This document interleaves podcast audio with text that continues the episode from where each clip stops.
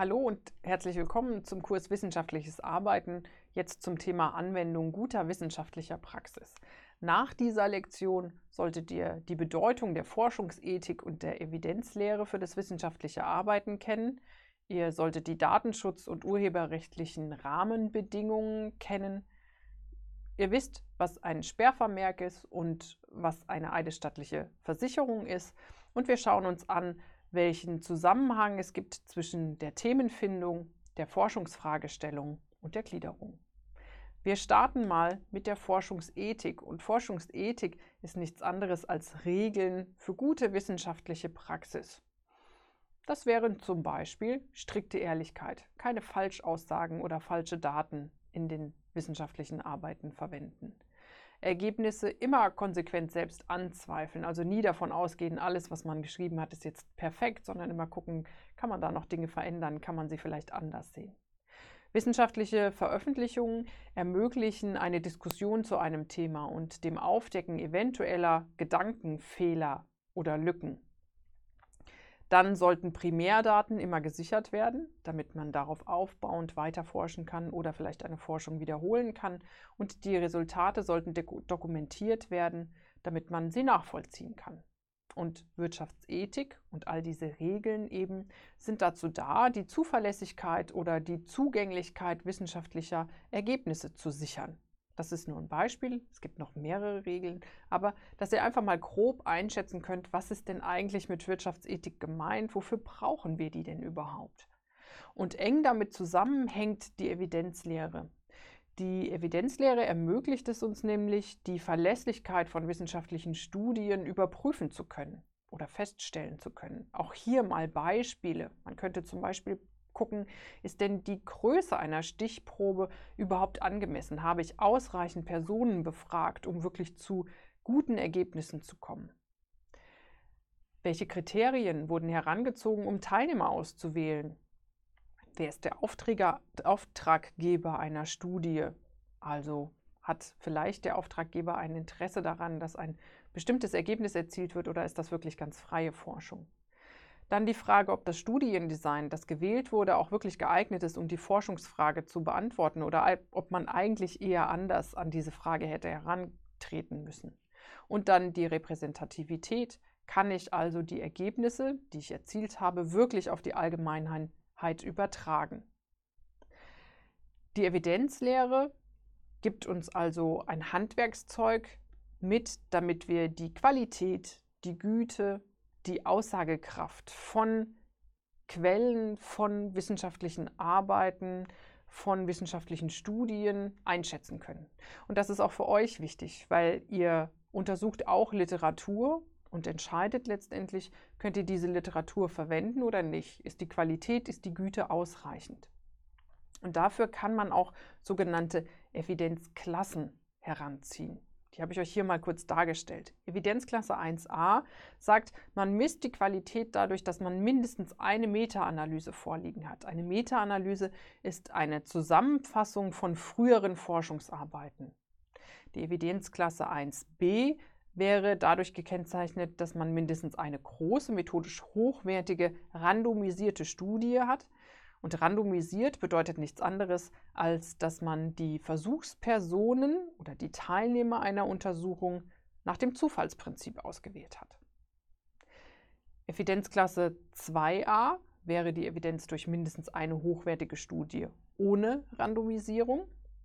Die 2b durch mehrere hochwertige Studien eines anderen Types, also zum Beispiel einer quasi experimentellen Studie.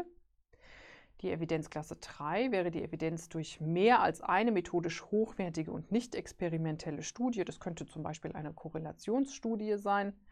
Und die vierte Evidenzklasse schließlich ist die Evidenz aufgrund von Berichten, von Meinungen, von Experten, von anerkannten Autoritäten. Das hilft uns, die Qualität zu bewerten. Und wenn wir dann Qualität haben und schreiben, dann müssen wir noch bestimmte rechtliche Rahmenbedingungen beachten. Das ist ganz wichtig. Zwei sind hier zu nennen. Das wäre einmal datenschutzrechtliche Aspekte. Die werden dann wichtig, wenn ihr personenbezogene Daten erhebt, zum Beispiel in Umfragen. Dann müsst ihr die Einwilligung der Personen einholen, die ihr befragt. Und wenn ihr Daten speichert, dann müssen die nach zehn Jahren gelöscht werden. Eine Möglichkeit, Daten und Personen nicht deutlich kenntlich zu machen in eurer Forschung ist durch die sogenannte Pseudo-Anonymisierung möglich. Das bedeutet, ihr gebt den Personen Kennziffern, Zahlen, ähm, Kennzeichen. Ähm, trotzdem müsst ihr datenschutzrechtliche Aspekte beachten. Also bitte immer, wenn ihr Daten erhebt von Personen, darauf achten, was müsst ihr rechtlich berücksichtigen. Das zweite ist das Urheberrecht. Ihr müsst immer den Urheber von Daten, ob das jetzt Bilddaten sind oder ob das ähm, Daten aus Schriften sind, also etwas, was ihr lest, die müsst ihr berücksichtigen und ihr müsst immer den Urheber nennen. Also ihr dürft nicht so tun, als ob geistiges Eigentum euch gehören würde, wenn es eigentlich von jemand anderem ist.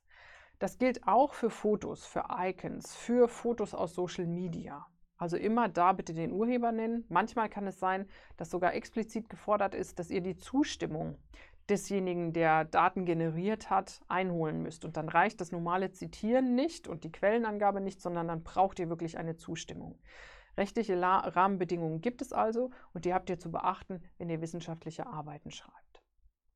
Dann kann es sein, dass ihr mit einem Unternehmen schreibt und dass ihr vielleicht Daten aus dem Unternehmen verwendet, die nicht für Dritte geeignet sind. Die dürft ihr verwenden für die Arbeit, aber sie sollen eben nicht nach draußen gelangen.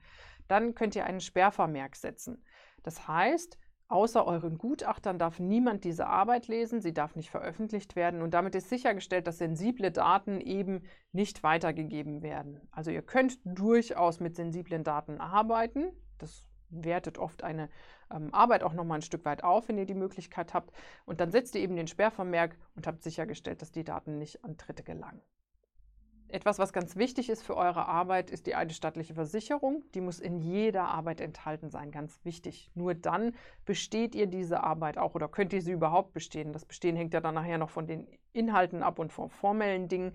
Aber wenn die eidesstattliche Versicherung fehlt, besteht ihr auf keinen Fall. Dann ist die Leistung nicht erbracht. Ähm, hier in dem grauen Kästchen ist ein Beispiel für eine solche eidesstattliche Versicherung. Die könnt ihr auch genau so übernehmen.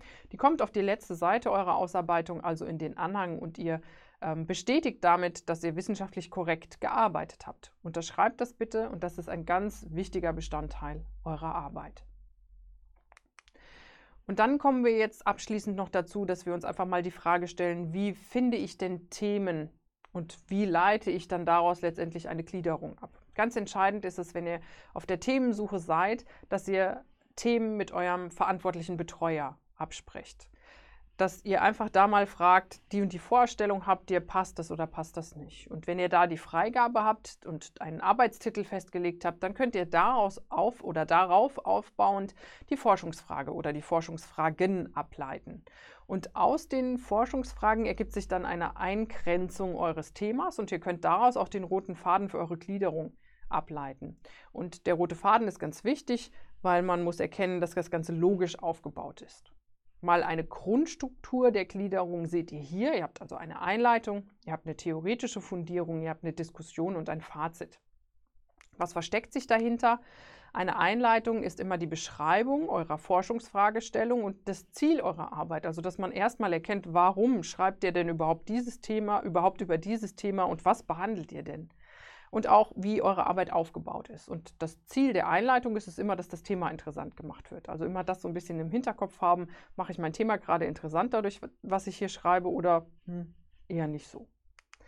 Dann ordnet ihr das gesamte Thema und auch eure Forschungsfrage in den wissenschaftlichen Forschungskontext ein. Also ihr guckt, was gibt es da letztendlich schon und wie passt euer Thema da rein. Und als nächstes fangt ihr an, das Ganze zu reflektieren. Ihr ähm, stellt die bisherigen Inhalte gegenüber, ähm, ihr bereitet sie auf, ihr kategorisiert sie. Das wäre jetzt so die eigene Transferleistung, die ihr bringt. Und das Ganze schließt ihr ab, indem ihr eine Zusammenfassung schreibt. Und da kann jetzt auch eure eigene Meinung rein. Also eine subjektive Meinung, die sollte vorher noch nicht enthalten sein, aber im Fazit kann sie enthalten sein. Und damit habt ihr mal so eine ganz grobe Struktur für eure Arbeit vorgegeben. Wenn wir also zusammenfassen, worüber wir in den letzten Minuten gesprochen haben, dann wisst ihr jetzt, Forschungsethik definiert Regeln zur Sicherheit oder zur Sicherung und äh, von der Verlässlichkeit und der Zugänglichkeit wissenschaftlicher Ergebnisse. Darauf aufbauend gibt es die Evidenzlehre, die letztendlich die Verlässlichkeit wissenschaftlicher Studien bewertet. Ihr müsst rechtliche Rahmenbedingungen beachten. Zu nennen wären hier der Datenschutz und das Urheberrecht.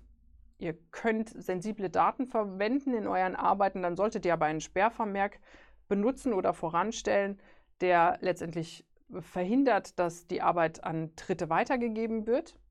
Ihr müsst eine eidesstattliche Versicherung eurer Arbeit zufügen und ihre, eure Forschungsfragestellung und eure Gliederung, die lässt sich ableiten aus dem Arbeitstitel.